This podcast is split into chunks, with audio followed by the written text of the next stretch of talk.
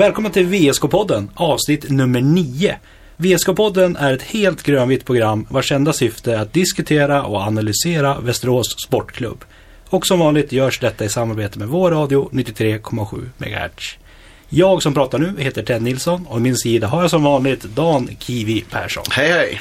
Vår gäst för dagen har gjort makalösa 524 matcher som spelare och hela 602 mål för VSK bandy.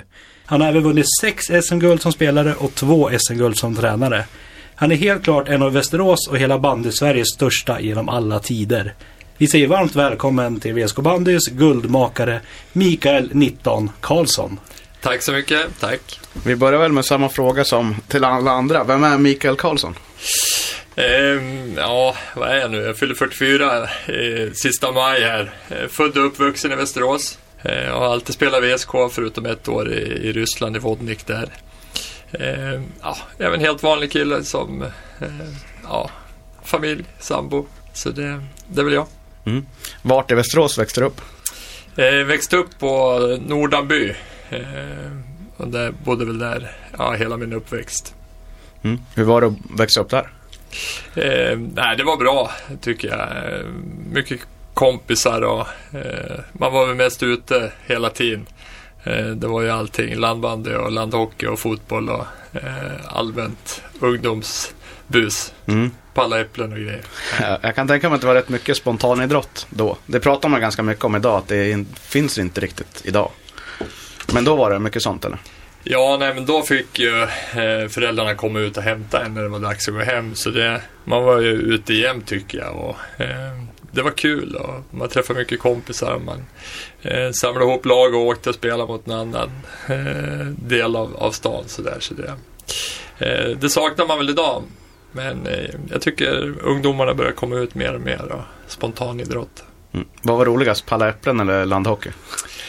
Nej, men det var väl att hålla på med boll och, och klubba och eh, fotboll och allt som hade någon, någon, någon form av boll med sig var ju eh, extremt kul. Så det, det var det. Mm. Har du alltid varit ett sån här bollfreak? Eh, ja, men det, det har jag väl varit. Och jag ser väl det på min son också. Han eh, håller på med bollar hela tiden. Så det, var, det, var, det har väl gått i arv det där. Eh, vilka idrotter höll du på med, om man bortser från spontanidrotten? Vad, vilka idrotter höll du på med aktivt? Så? Eh, nej, men det var ju mest fotboll som jag höll på med och, och bandy då förstås. Eh, sen provade man ju på många olika idrotter. Och, eh, det var ju, då när man gick i skolan var det ju eh, skollag i allting och man åkte iväg och spelade mot andra skolor. Så det, man var ju med i basket, handboll, eh, allting. Löpning var man väl också med i. Men att det var fotboll och bandy då, var det mest för att det var en sommaridrott och en vinteridrott? Ja men det blev det så småningom när, när man kom upp i åldern att man fick lov att eh, ha isär eh, årstiderna där. Och, eh, på vintern var det bandy fullt ut och på sommaren var det fotboll. Så det var det är en bra kombination att hålla på med båda. Så det, jag, är, jag är glad att jag fick hålla på ganska långt upp i åldern också. Ja, hur långt kunde du hålla på med det? Ja, men det var när jag gick i gymnasiet där, 16, 17, 18. Eh, ja, 17 i varje fall kunde jag nog kombinera. Eh, så det, jag är glad att eh, jag fick hålla på så länge för jag tyckte om båda idrotterna. Eh, nu så är det ju, i vissa idrotter så är det ganska tidigt man får välja vad man, vad man ska hålla på med.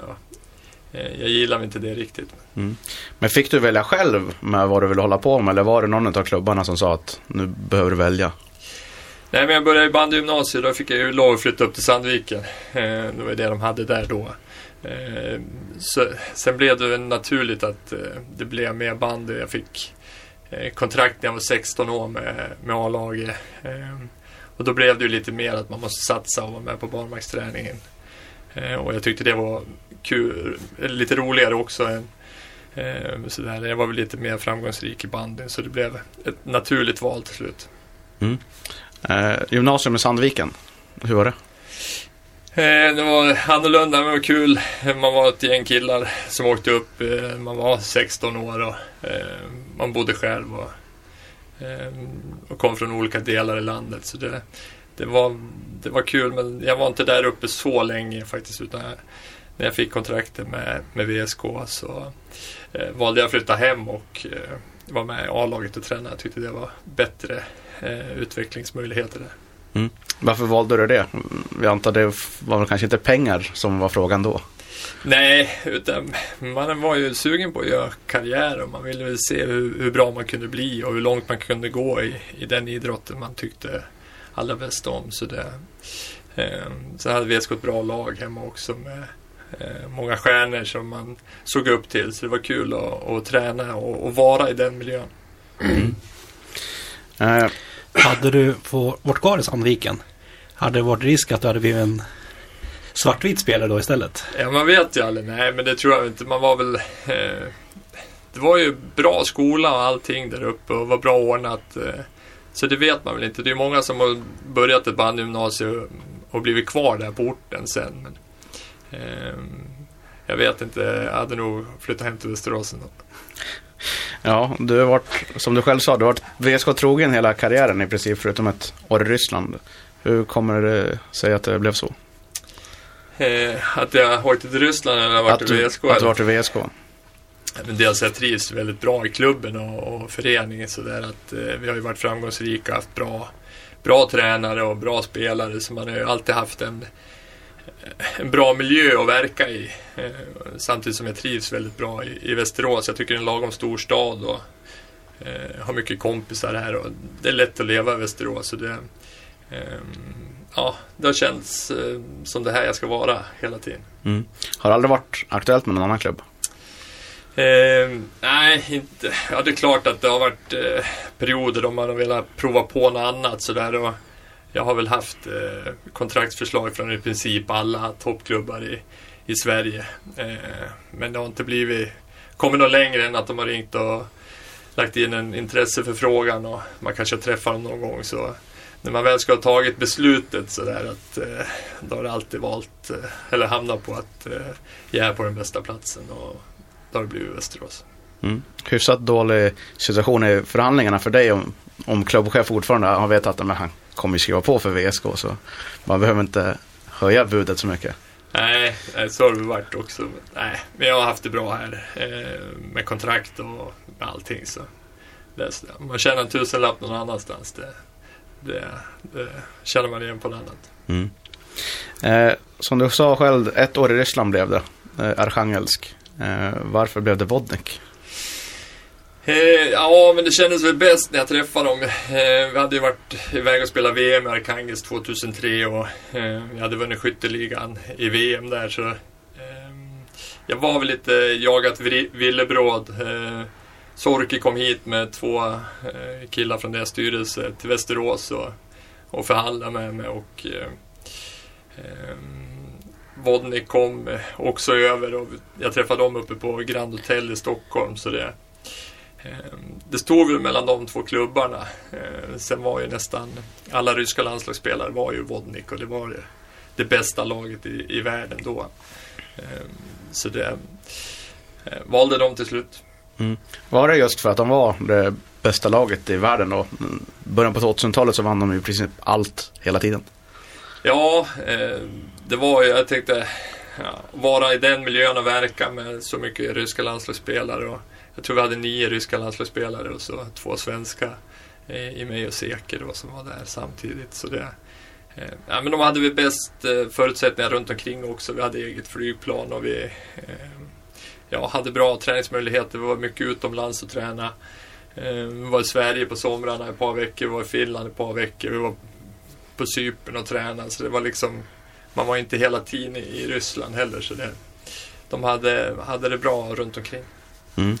Ditt första ligamål i ryska ligan, det gjorde du borta mot Start. Där det var hela 22 000 åskådare.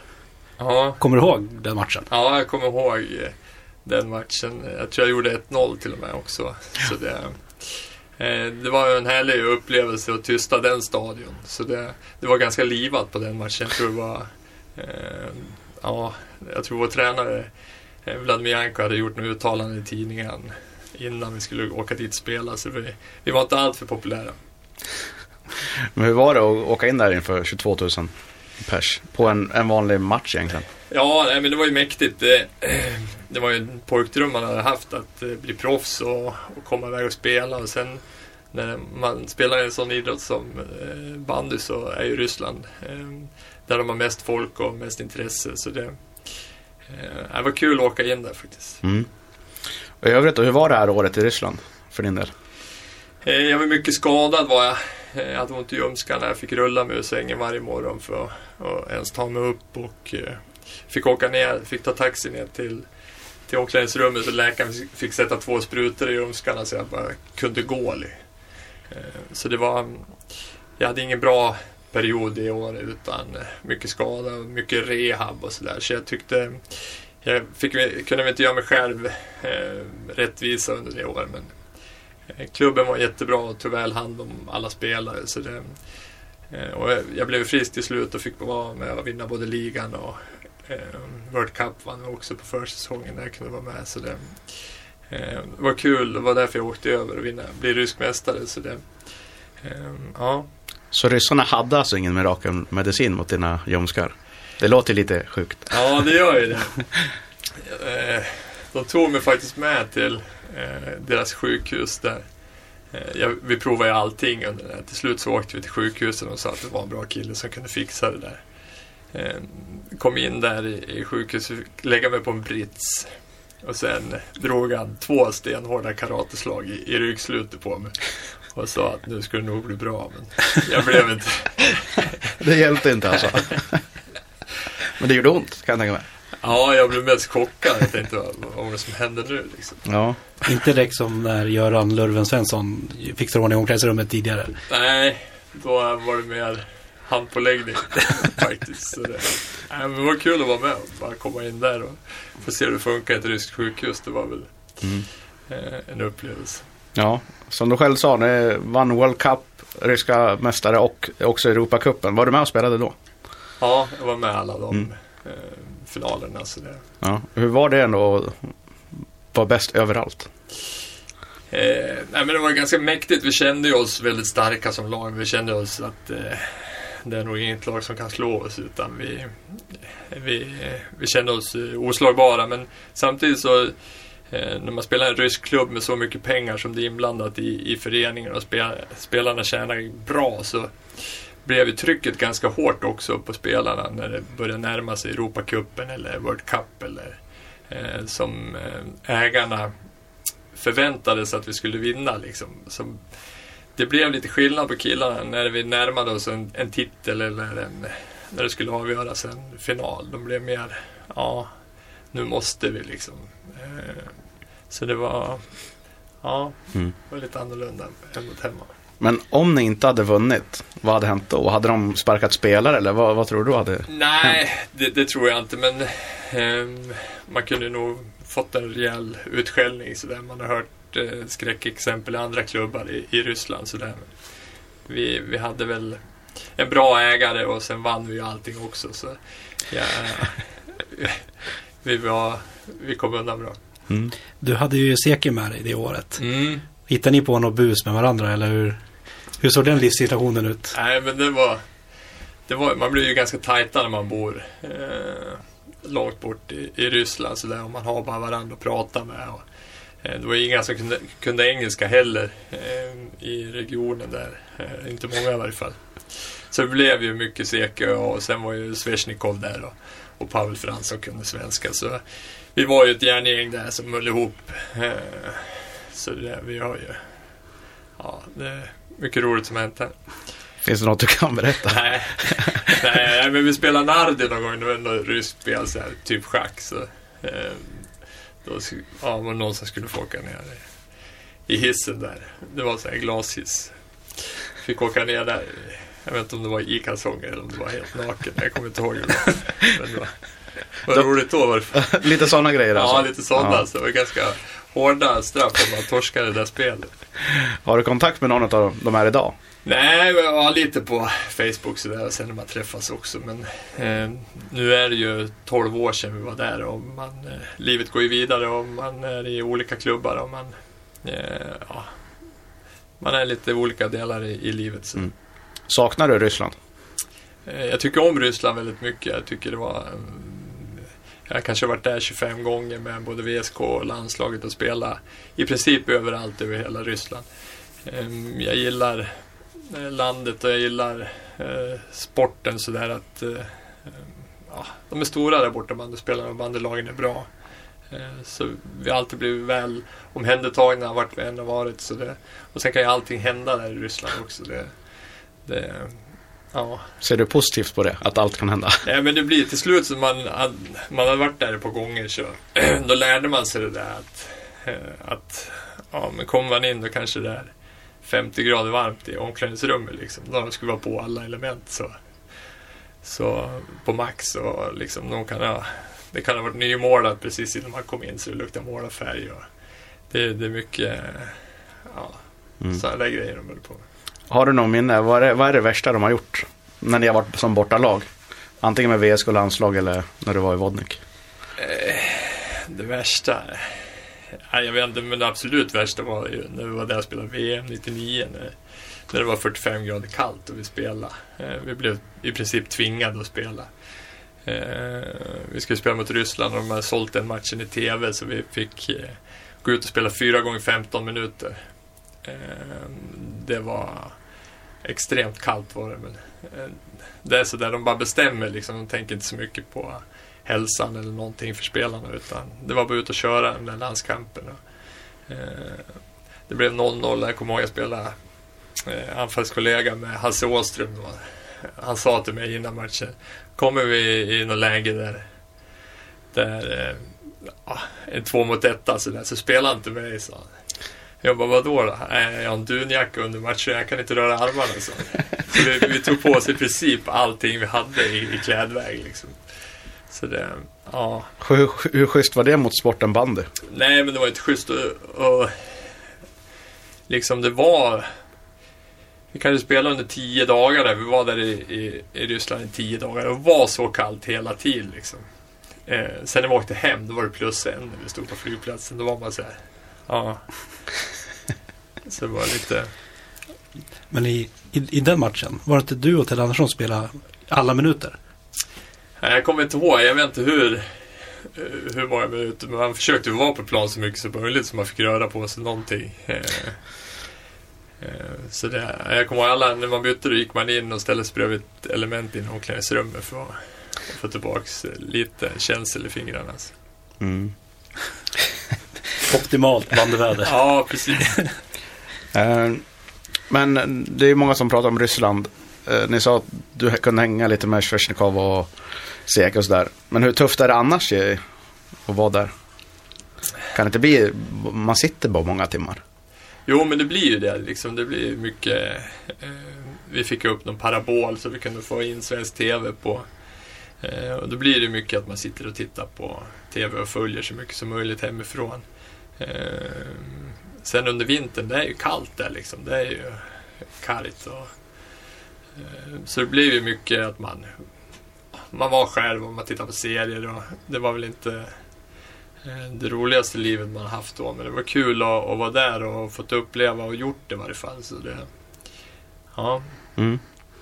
Men kollar man på Vodnik idag så är inte det alls vad det var då när du var där. 2005 så var det väl en 19 spelare som lämnade för Dynamo Moskva. Eh, vad var det som hände där? Har du koll på det? Jag har väl inte eh, stenkoll sådär, men jag tror att ägaren flyttade till Moskva och tog med sig hela laget ner. Eh, och ville väl bygga upp det i, i Dynamo som är en stor klubb i, i Ryssland i både basket och fotboll och, och hockey sådär. Eh, och det, jag tror det är polisens lag så de har väl någon eh, de är uppdelade sådär. Några är arméns lag och några är polisens lag. Så var, han flyttade dit och tog med sig laget eh, dit. Mm. Han hade väl lite affärer i Moskva också. Han hade något hotell där som vi bodde på när vi spelade i, i Moskva-trakten. Så det, ja, han ville vara med laget dit. Ja. Men efter året där så var du tillbaka till VSK. Eh, var det där ett läge att du kikade på andra klubbars förslag? Nej, utan jag var utlånad från VSK till, eh, till Vodnik då. Så det var liksom att jag skulle vara kvar. Eh, i Vodnik ett år till eller om jag skulle komma hem till VSK. Så det, det var klart redan innan jag åkte. Mm. Men varför förlängde du inte med Vodnik då? Eh, jag vet inte, till slut kändes det rätt att åka hem och, eh, man trivdes bäst hemma. Nu hade jag gjort det där också. Eh, så det kändes väl att eh, ah, nu vill jag hem. Eh, och du, det har varit, det har varit sju säsonger till i VSK innan du la skridskorna på hyllan. Eh, totalt 602 mål och 524 matcher. Vad säger du om siffrorna själv?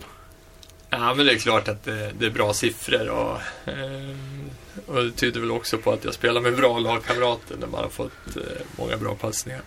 Eh, men det, det, man, det är många säsonger också så det är klart att eh, det pinnar på med matcher och, och mål sådär.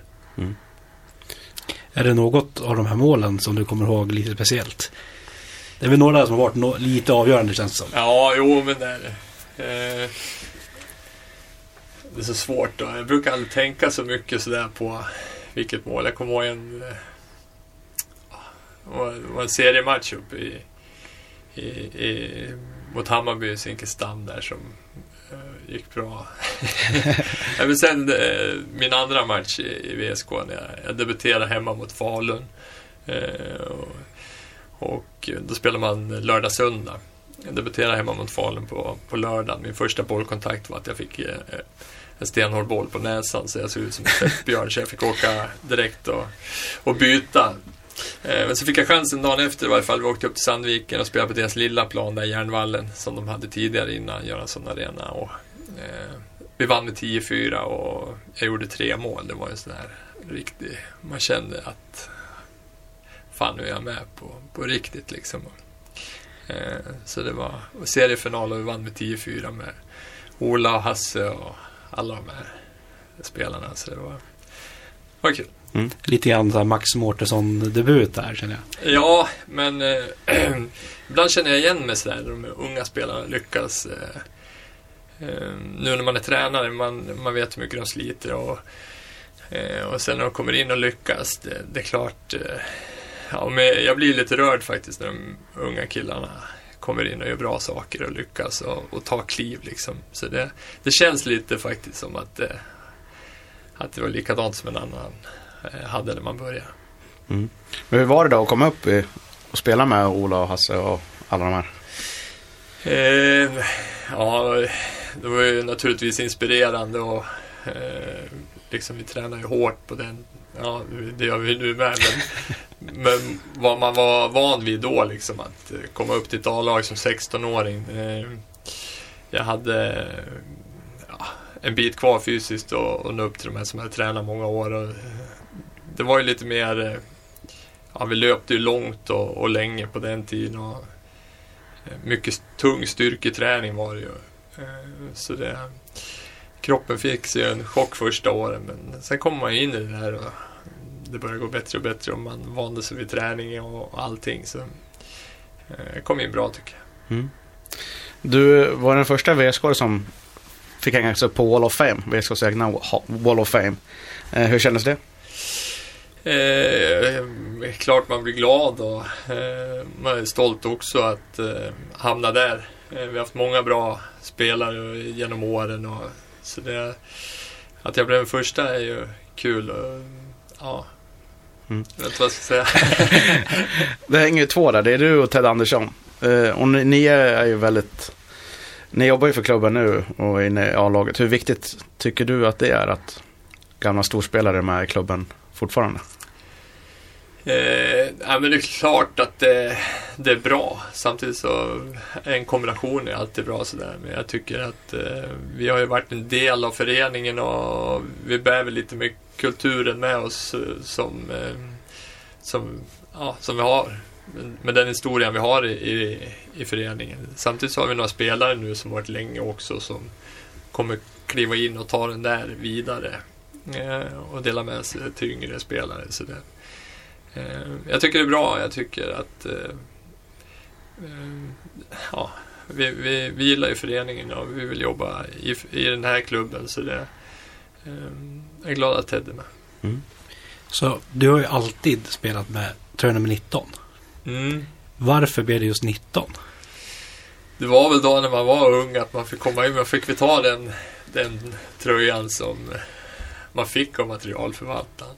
Eh, jag vet att de ville byta ett tag där till eh, nå nummer längre, äh, lägre ner. Men jag sa nej nu är jag 19 så nu kör vi på det. Sen, sen blev det det hela karriären. Du har ingen annan connection med det numret i övrigt liksom? Nej, utan eh, jag fick den och sen eh, gillade jag den och sen blev det så. Nu är det tröjnumret låst eller vad man ska säga i och med det här Wall of Fame. Eh, man, du kan väl låsa upp det eller vad man ska säga själv. Eh, kommer du göra det? Tror du? Det beror på om jag gör comeback själv. Nej. Eh, det är säkert någon som kommer använda det framöver. Eh, när det blir dags för det. Jag vet inte vem än. Vi får se. Vi får se. Ingen press på den spelaren eller? Nej, precis. Måste bara göra 602 mål också för att bära. Eh, du gjorde comeback Köping sen efter att du hade lagt av. Spelade väl 12 matcher där. Ja. Såg du det som en kul grej eller var det fullt seriöst? Nej, det var mer som en, en eh, kul grej. Så de hade legat på och frågat om jag kunde komma och hjälpa dem. Liksom. Eh, och de tjatade väl lite. Sen, en dag då, så här, jag hänger vi med och träffar killarna och ser hur det är. Och, eh, och sen var ju, det är som man kom in i ett lag liksom. Det, var, det är sköna killar och eh, de var på. Kan du inte komma hit och, och vara med och, och träna med oss i varje fall. Så jag sa väl att eh, man blir ju glad när någon vill att man ska vara med och, och spela liksom. Så jag, jag sa väl, ja, jag, vi kör väl då, så. Och sen eh, när jag gjorde första träningen där, då var det två tidningar där. Det var radio och allting och jag var absolut inte förberedd på det. Jag hade precis, eller jag hade lagt av tidigare. Jag hade knappt tränat någonting heller. Så det var... Eh, ja, det var ju liksom bekänna färg på en gång och visa att man hade lite, lite kvar. Sådär. Men, ja, med facit i hand så var det ju en kul grej men det var ingen seriös sats, satsning. Du gjorde ändå några mål. Ja, det gjorde jag. Alltså det, det var ju kul också. Sådär. Man gillar ju spelet och sådär. Men eh, ska man vara bra så krävs det ju mycket mer. Det krävs att man har tränat under en längre period. Och sen att man har liksom... Jag har alltid spelat med lite brinna och vill ju alltid vinna i allting man ställer upp i och, och vara bra. Sen när man inte kunde göra de där grejerna fullt ut som man har gjort tidigare i karri- karriären. Liksom, då, då blev det inte lika roligt. Fick du några gliringar eller någonting på, på plan eller? Från motståndaren? Ja, det var, det var en back i Borlänge som... Ja, som nej, men de var väl på en. De försökte testa Men det var den här backen i Borlänge. Han var brett armar och så. Han, Sådana som dig käkade upp till frukost. Det kunde jag inte hålla med. Vad sa du då? Nej, jag kommer inte ihåg. Men det var... Bra- brann det eller var det... Nej, det var... Jag skrattade åt. Men det var... Ja, det var ganska roligt. Jag var, en avdankad elitspelare. Skulle käka upp en till frukost. Perfekt. Ja. Du, nu har vi snackat lite spelarkarriär och när vi kommer tillbaka så blir det lite tränarkarriär, tror jag. Ja, för vi drar på en liten låt och sen kommer vi alldeles strax tillbaka.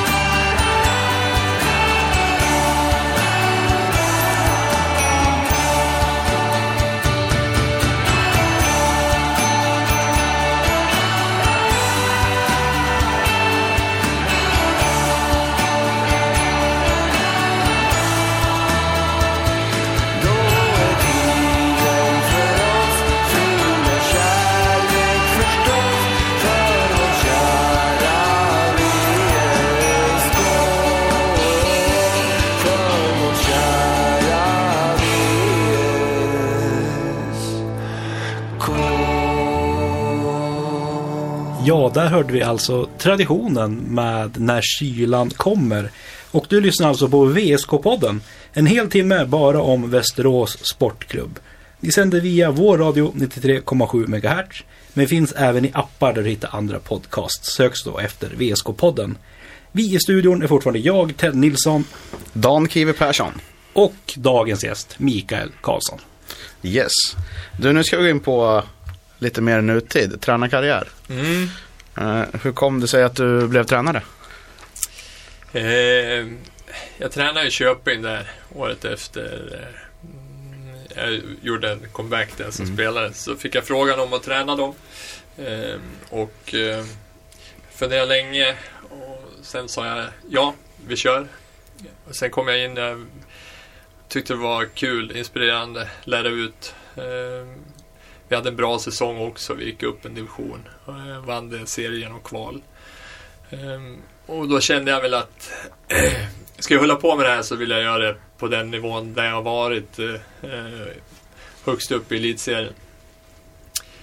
Så då ja, började det komma lite anbud eh, från elitserien som jag hade att välja mellan. Så då, ehm, ja, då, då, ja, men då hade jag fått eh, blodad tand för det där. Så då sa, vi, sa jag att eh, nu kör jag Mm. elitserien.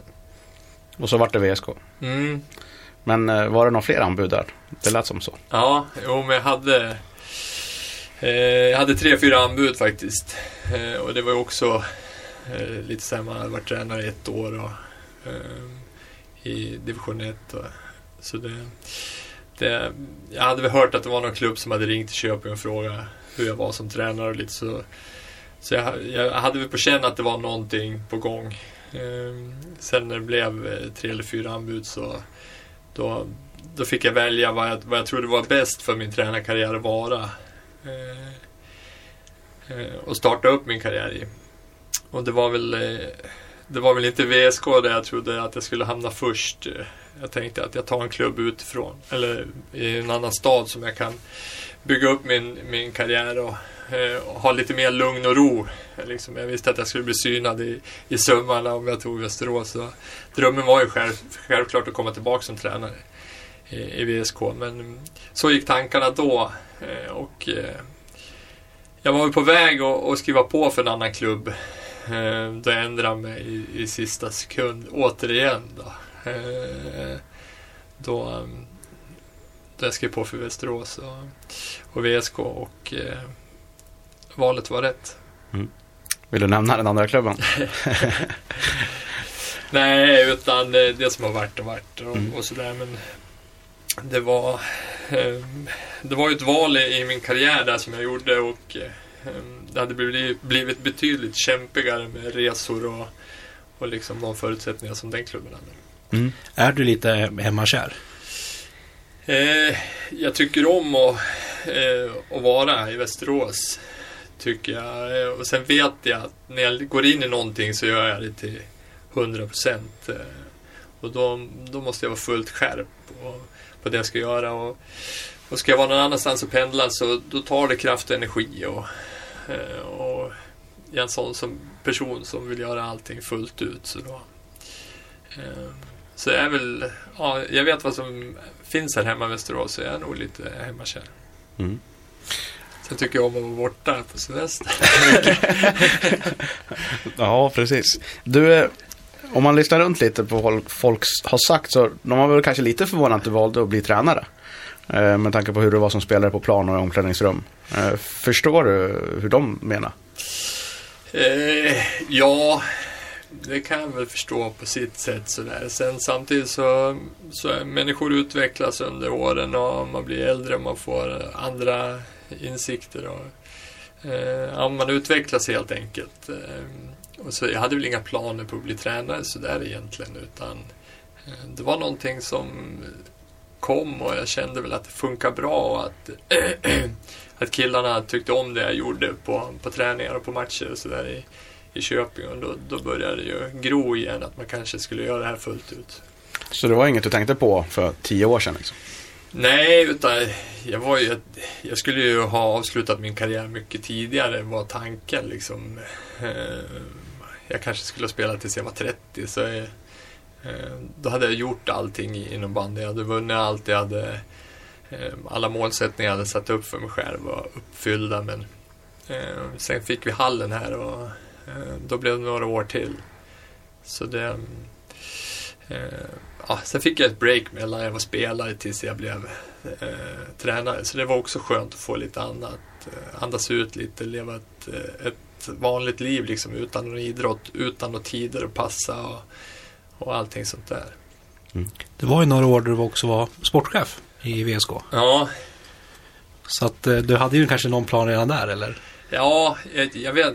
Tanken var väl att jag skulle vara sportchef. Eh, men eh, jag tyckte det var mycket möten, det var mycket saker som inte rörde själva idrotten. Och, eh, och det var kul under en period. Samtidigt kände jag att eh, jag är som bäst när jag får vara nära laget och, och bidra med det jag har där.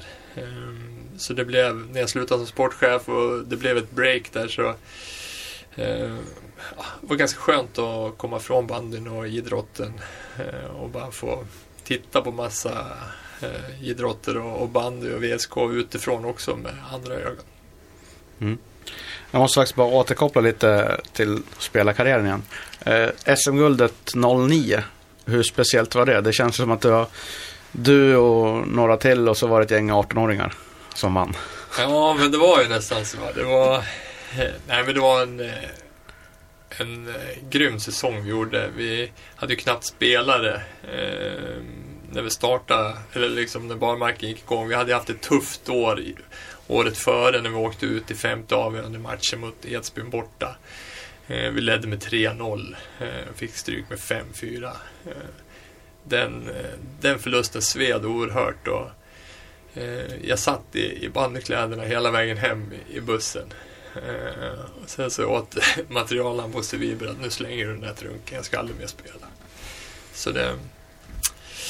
Eh, och sen med den vändningen vi gjorde året efter, men vi fick in Stefan Edberg och Oskar Grön och liksom eh, Holmberg var ju grym. Eh, och Joneby, Viktor Engström. Eh, så det var, var vi jag och Ted eh, som var äldre eh, Andebro också som eh, ja, vi lät dem hålla på de här ungarna. De körde ju som hela tiden liksom. Det var som att snurra upp en Duracell-kanin på dem allihopa. Så körde de, så åkte vi och servade dem med, med bollar och, och stöttade dem med allting. Och så gick vi hela vägen och, och vann ett guld. Det var, var skönaste guldet någonsin faktiskt. Mm. Hur oväntat var det guldet för din egen del också? Nej men det fanns ju inte när vi startade säsongen. Ehm, sen när vi började säsongen så blev vi bättre och bättre och vi tog kliv hela tiden. Så som spelare var det, det guldet det skönaste. Jag kommer ju ihåg i ABB Arena, sista semifinalen. Femte avgörande när du kliver in och gör målet där. I Mm. början på andra halvlek. Ja, Mot Sandviken, ja. Mm, och glider in mot mikrofonen och skriker så det ekar hela tv-apparaten. ja. Det, Var det så skön känsla då eller? det var nog mitt skönaste mål nu när du säger så det, det, det målet tyckte jag var både snyggt och väldigt avgörande också för matchutgången. det stod 1-1 i halvtid och eh, femte avgörande ABB Arena kokade. Det var 6 500 där då. Eh, och sen fick jag bollen åkt igenom eh, nästan hela deras slag och, och fick göra 2-1 där. Och, eh, det kändes som matchen vägde över då till vår fördel och vi kunde gå ifrån och vinna i andra halvlek. Det var, eh, ja, det var magiskt. ja. Jag ryser när jag tänker på det själv. Ja, Du, hur är det att vara träna, huvudtränare i VSK? jag tycker det är bra. Ja. Nej, men jag, jag, jag stortrivs och eh, det här är det bästa jag gjort någonsin och, och varit eh, tränare. Det, jag tycker det slår min spelarkarriär. Eh, eh, rent så här. ah, Jag trivs väldigt bra med killarna, laget och föreningen och eh, jag trivs och, och liksom lägga upp träningar, matchplaner, lägga upp planer för hela säsongen. Eh, så det känns som eh, jag har varit tränare längre än vad jag har. Eh, det känns väldigt naturligt och, och bra. Mm. Du nämnde några spelare nyss, där 09 som du spelade med då, Edberg, Joneby, Grön, Hompa så där. Det är nästan halva laget idag. Mm. Hur, är, det- hur är skillnaden att då spela med dem och nu coacha dem? Eh, jag vet inte. Ja, men det är klart att det är skillnad sådär. Det är ju. Eh, samtidigt så är vi väldigt professionella i, i truppen sådär. Och jag hade varit ifrån ett tag också. Ehm, så det, det är absolut inga, inga problem. Utan vi, vi har en bra stämning samtidigt som vi vet när det gäller så är det ehm, tränarens ord som gäller. Och, och, nej, det är inga problem alls faktiskt. Mm. Men har det inte gått lite väl enkelt? De här två första säsongerna. Eh, ja, man kan tycka det så här efteråt. Att, men vi har gjort, eh, vi har tränat väldigt hårt och vi tränar väldigt bra varje träning. Eh, med bra, bra hög fart och vi, vi åkte på någon mina första gångerna, när, eller första året jag kom in som tränare. Vi var uppe i vi spelade mot Genesee hemma, vi fick storstryk. Vi åkte upp till andra träningsmatchen upp till Sandviken, fick storstryk. Eh, vi åkte ut Svenska Cupen eh, i gruppspelet. Eh, det var, var starten på min karriär i, i VSK. Och jag är glad att vi fick de smällarna också, för efter det så växte vi och vi, vi vände och vi, vi fick lov att göra de sakerna vi hade bestämt och ja, efter det så har vi bara gått från nivå till nivå uppåt. Så det, eh, ja, vi jobbar vidare. Men där och då, som du säger, där, eh, de här förlust, stor, storförlusterna mot Genesee, Sandviken och så uttåget i Svenska Cupen. Hur tufft var det där och då för dig, din del? Tvivlade du på dig själv då? Ja, inte tvivlade, men jag tänkte det här, eh, vi har mycket jobb kvar att göra. Eh, Det var väl så jag tänkte. Det, det tog ett tag innan spelarna fattade vad jag menar också. Det är klart att man kommer in i en spelargrupp och det är eh, 19 olika individer i, i laget och så kommer jag in och förklarar på hur jag vill ha det eh, spelet och hur vi ska agera i vissa situationer. Och vissa kanske fattar, vissa inte. Och, Eh, det tar ju längre tid också än vad man tror. Eh, hade det funkat på en gång så hade jag blivit förvånad. Eh, nu tog det lite längre tid och vi, vi gick på någon mina och jag lärde mig också mycket i början där. Eh, efter det så tycker jag att vi, ja, som jag sa, vi utvecklas nästan varje träning och varje vecka. Så det, eh, jag har en väldigt bra grupp att att ha hand om. Och, och, och tränarna de vill ju bli bättre både individuellt och som lag så det, det är ju ja, bara köra på. Mm. Men det känns som att eh, det har varit ungefär två, det är både den här säsongen, att ni åkt på ett par minor. Till exempel Broberg hemma första året där det blev förlust med, var det 10 någonting, 12 någonting. Och sen blev det året säsongen efter mot Kungälv och Leeds Villa. Att man vet att så fort den här minan kommer, så vet att nu kommer det vara riktigt bra efter den matchen. Ja, Vad gör ni när ni åker på en sån mina? Är det bara in och samla er i omklädningsrummet och gå igenom grejerna eller hur? Ja, egentligen så eh, när vi åkt på någon mina så först och främst så blir vi ju det är ju liksom ingen ingen stämning för för någon annan än spelarna eller ledarna att vara i det omklädningsrummet då, för vi är ju liksom eh, inte glada liksom när vi torskar. Eh, samtidigt som man har kommit hem och sovit en natt och, och vaknar upp, då är det liksom, nu kör vi igen liksom. Vi åkte på en smäll igår, det är gjort nu, nu är det upp och, upp på hästarna igen så kör vi. Eh, och det tycker jag vi har varit duktiga. vid.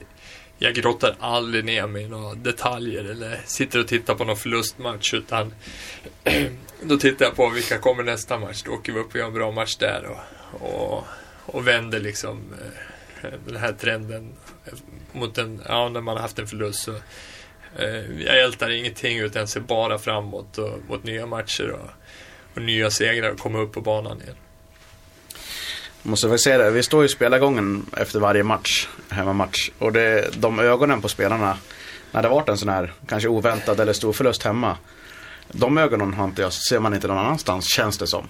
Eh, eh, blir ni så riktigt förbannade helt enkelt?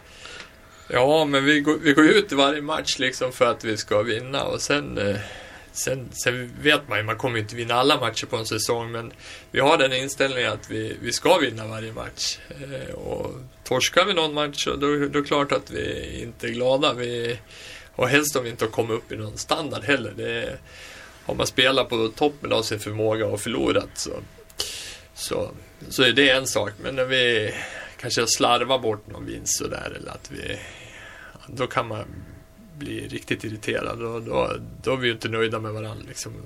Eh, Vi, vi har ju höga krav på att vi ska prestera bra varje gång vi går ut och eh, kommer vi upp i, i en hög nivå i matcherna så är vi svårslagna, det vet vi.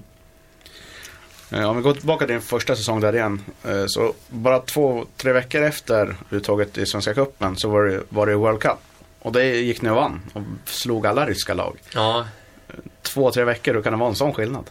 Fattade spelarna då helt plötsligt? Ja, nej men det, det hade väl börjat trilla ner. Nej, men sen eh, eh, vi fick ju bra, vi kom ju bra in i den turneringen och vi var väl förberedda på vad vi skulle göra och eh, jag tror vi hade, ja men jag tror vi slog ut alla ryska lag topp fyra på vägen. Eh, det är klart att självförtroende växer på oss också.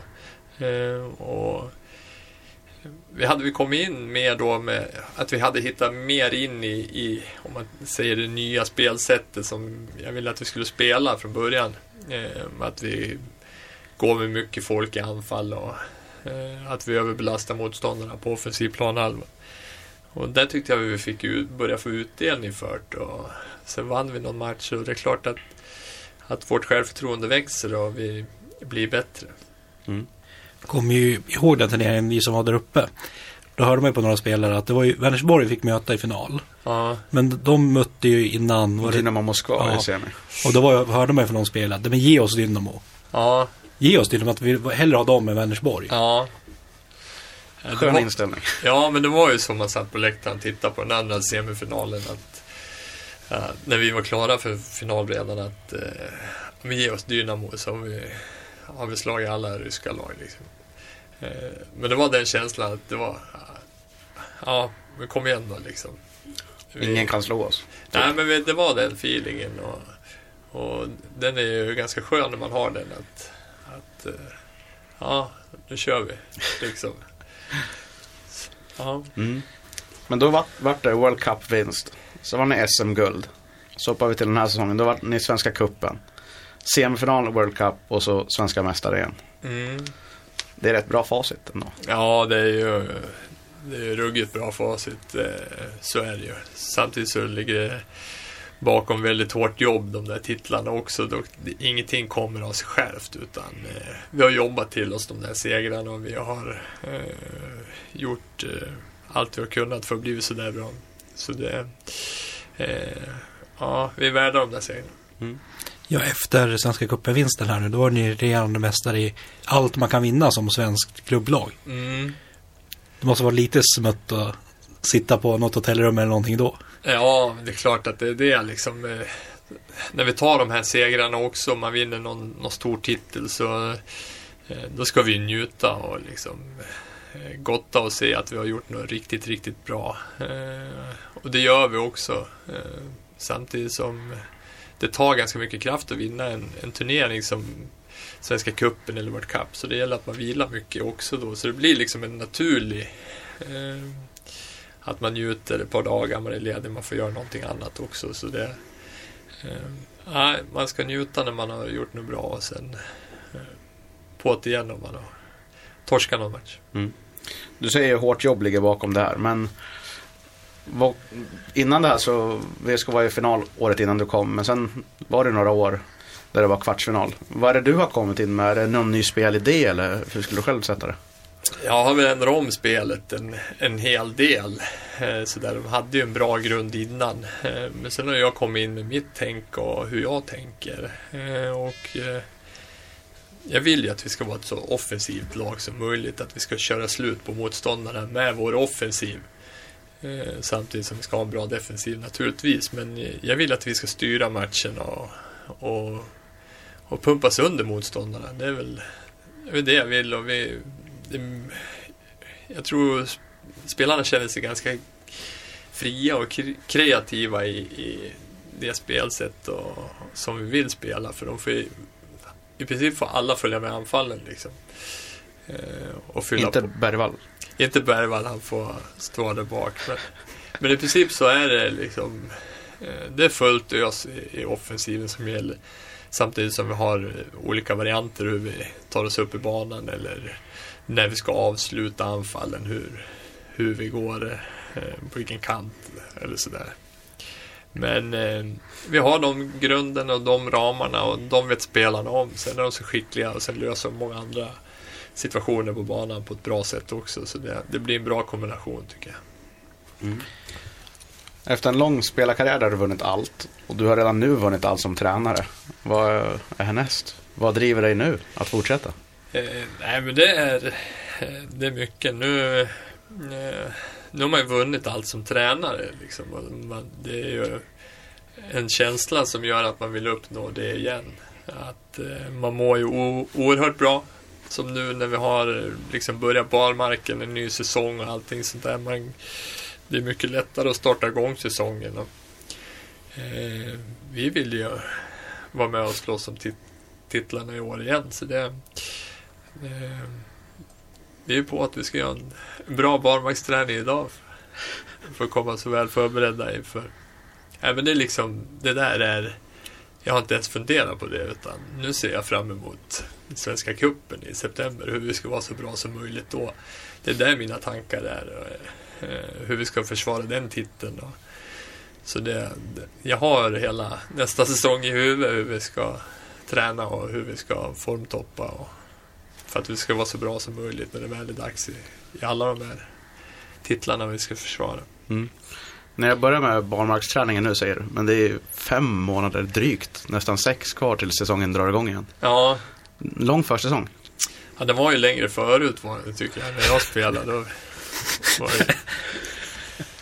Nej, men nu är det så, nu med Hallarnas intåg och med Svenska Cupen så vi tränar ju i princip barmark ja, maj, juni tillsammans med laget. Sen har ju alla individuella program som de sköter och, och spelarna är oerhört duktiga på att sköta sin egen träning. Så det, jag tycker barmarken är väldigt kort så där. Vi tycker om att vara tillsammans. Nu när vi startade igång förra veckan så hade jag gett dem någon vecka mer ledigt för att vi ska känna det här suget igen. Och, eh, då hör man på killarna vad kul det var att starta igång igen.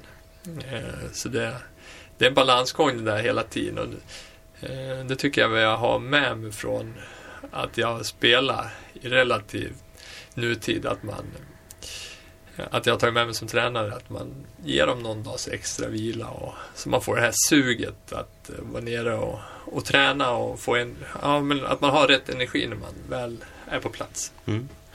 Det är ju lite saker som händer och pågår just nu i bandy i Sverige med silly season som är igång. Lite ryska spelare som ryktas till Sverige. Och eh, lite förändringar med Nilsson till, till Bollnäs och lite liknande. Och IK Tellus senast klart för elitserien. Hur känner du så här när du mitt i, i sommaren, i maj? Eh, över de förstärkningarna Mm. eller? Ja, Det är allmänt om bandy, bandyläget i Sverige. Nej, men det, det är väl kul att, eh, att eh, det kommer in som eh, Dusojev till Sandviken. Det är ju en bra spelare. Patrik Nilsson till Bollnäs gör ju dem vassare. Eh, ja, det är mycket som ryktas. Samtidigt så har jag lärt mig eh, att eh, när jag skrev på för VSK då för två år sedan då eh, då värvade de Helmich och Berlin Bollnäs liksom. Tänkte man, åh, nu blir alla, ja men Bollnäs blev ju, ja men det är två världsspelare liksom. Så, men eh, jag brukar inte fundera så mycket på de andra klubbarnas nyförvärv utan jag fokuserar på det vi ska göra och eh, se till så vi är, är så bra som möjligt när vi eh, får möta de andra lagen sådär. Men det, jag ty- samtidigt, nu är jag inte ens inne och tittar på de där sidorna lika mycket som det var första året jag var tränare. Utan, eh, jag, vet, jag vet att det pågår en silly season och jag är inne och kollar någon gång ibland och håller mig uppdaterad, uppdaterad naturligtvis. Men, eh, jag fokuserar mest på det vi ska göra och hur vi ska bli så bra som möjligt. Mm. I elitserien så det är bara Dushojev som är klar som rysk till, till Sverige. Men eh, att det känns som att det är en ryssvåg på gång nu till Sverige. Vad beror det på tror du? Nej, men det är väl att de har dåligt med pengar borta i ryska ligan. Där går ju vågor tycker jag. Eh, ibland har de hur mycket pengar som helst och då, då är alla ja, ryssar i, i, där och spelar i ryska ligan. Plus att de tar någon bra svensk också. Eh, så det brukar gå lite i vågor. Eh, när pengarna finns och när pengarna inte finns. Det, eh, eh då är det så. IK Tellus, Mm. hur känner du kring det? Blir det spännande utmaning? Ja, det är ett nytt lag upp så där så det eh, och en bortamatch till i, i Stockholm så det, det ska väl bli spännande att se hur de får ihop det med så här kort tid också med eh, eftersom kung, Kungälv blir utslängda eh, dis- eh, ekonominämnden så det vi får väl se men de har ju förutsättningar med ja, mycket spelare i den regionen också så det gäller väl att få ihop ett, ett bra lag så de kan hävda sig lite sen. Och tredubbla omsättningen. Ja visst, det är det också. Så. Ja, och eh, jag ser att Kiwi håller på här med sina sociala medier som Mm. han brukar. Och det, det brukar betyda supporterfrågor Yes. som man kan skicka in via våra sociala medier. Yes. Eller VSK Bandys sociala medier, rättare sagt. Precis. Eh, Andersson 02 på Instagram. Eh, vi har varit inne på det lite här. Men hur var livet i Ryssland och hur mycket tjänar man i Ryssland? Eh, oj. Eh, nej, men det, det är väl lite olika. Var precis som jag sa här innan. Eh, hur mycket pengar de har och det, det varierar lite till och från sådär. Men det varierar ju allt från en miljon till tre miljoner netto. Eh, det skulle jag kunna tänka mig. Så det, det är väl de pengarna det rör sig om. Eh, Viktor Lundén, vem är sämst tränad i A-laget? Sämst tränade A-lag. Eh, ja du, vi har ingen sån. Det är nog materialförvaltarna. i. Vem av dem då? Prata några då.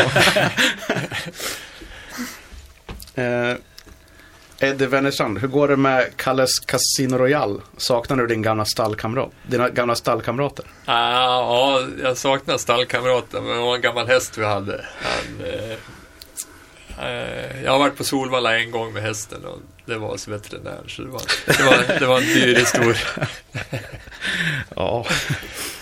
David Händel, vad är det största för dig? Att vinna SM-guld som spelare eller tränare? Eh, det är som tränare faktiskt. Man har helheten, man har ansvaret för eh, att allting ska bli så bra som möjligt med upplägg och träningar och spelidé. Så det, det, det har faktiskt känts eh, som tränare. Mm. Eh, favoritlag i elitserien förutom VSK? Frågar Axel Götlin. Favoritlag? Jag, jag vet inte. Jag har väl inget eh, favoritlag sådär. Men jag tycker om att åka och spela på många ställen som i Sandviken, Villa Lidköping, eh, Bollnäs, Edsbyn. Ja. Ja, 14, 14 ställen. 14 lag. 13 ställen, ja. Eh, vem i laget är bäst? Och du får bara nämna en spelare, skriver Axel. Axel igen. Ekblom eller vad? Nej, sju Axel. Ja. Vem som är bäst i laget? Mm. Eh, jag tycker vår lagkapten Magnus Joneby är, står för mycket av det jag som tränare eh, vill, vill ha ut av en, en lagkapten. Så där. Men han, han står för ryggraden i laget och i föreningen. Så det, han är viktig för oss. Mm. Bosse J nummer ett undrar, nu har det ryktats om att det är på väg en hel del ryska spelare till elitserien. Skulle det inte sitta fint med en ryss i VSK, till exempel i Skeldin, fast han kanske inte platsar i världens bästa lag? Nej, det kan vara så också. Nej, men vi har inga planer på att ta in någon ryss eh, det, här, det här året. Och, eh, det har inte varit några sådana diskussioner överhuvudtaget. Vi ligger lågt på, på fronten med att värva spelare överhuvudtaget. Petter Fi frågar, hur ställer du dig till att ett lag som inte förnyar sig blir sämre angående att inte värva när alla andra toppklubbar plockar in spelare? Eh, ja, det där måste vara upp till varje lag att- bestämma om man ska ta in någon ny spelare. Sådär. Eh, det är klart att eh, lagen som vill upp och, och vinna SM-guld och, eh, vill ju förstärka sina lag naturligtvis. Eh, samtidigt så är det några lag som inte har värvat någonting alls. Och, de ser säkert att de har mer utveck utvecklingspotential i den truppen de har. Så det, det är vilken väg man väljer. Mm. Nu blir det rövarspråk. Användaren Poppe Totteror frågar, hur följer Micke fotbollssäsongen? Eh, VSK Fotboll antar jag att Ja, han menar då. är VSK Fotboll. Eh, Jag var, jag var på hemmapremiären. Eh, Jag var på väg upp idag och se Brommapojkarna, eh, VSK. Så jag kommer följa dem med stort intresse i år faktiskt. Sen har vi någon här på Facebook, Joel Bremer, han vill ha anekdoter från förr. Har du någon sån riktigt galen historia? Antingen från Sverige eller Ryssland eller vart som... Vi har ju bara en timme. va? Vi kan förlänga den timmen. förlänga. Nej, men det är klart att eh, det har hänt mycket. Man är ett lag så här genom åren. Men eh, jag tror ingenting passar sig ute i radion. Då, det stämmer alltså på frågan från Eddie här igen. Är de helt galna där i öst? Eh, galna, det, det finns många trevliga människor i Ryssland. Så det är naturligtvis en... ah, Jag trivdes bra där med de människorna jag umgicks med och, och kände. Sen, det, ja, man har alltid känt sig välkommen där på något vis. Så, det, det, så är det. Slutligen från Anna Kaup. Vad tror du om säsongen 16-17? Om säsong, säsongen 16-17 tror jag att eh, det kommer bli en väldigt jämn elitserie och eh, det är många lag som kommer utmana om SM-guld.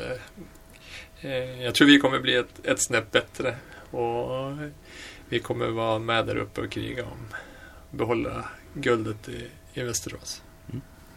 Ja, och det var egentligen allt vi hade i det här programmet. Så att du har alltså lyssnat på VSK-podden. En hel timme bara om Västerås Sportklubb.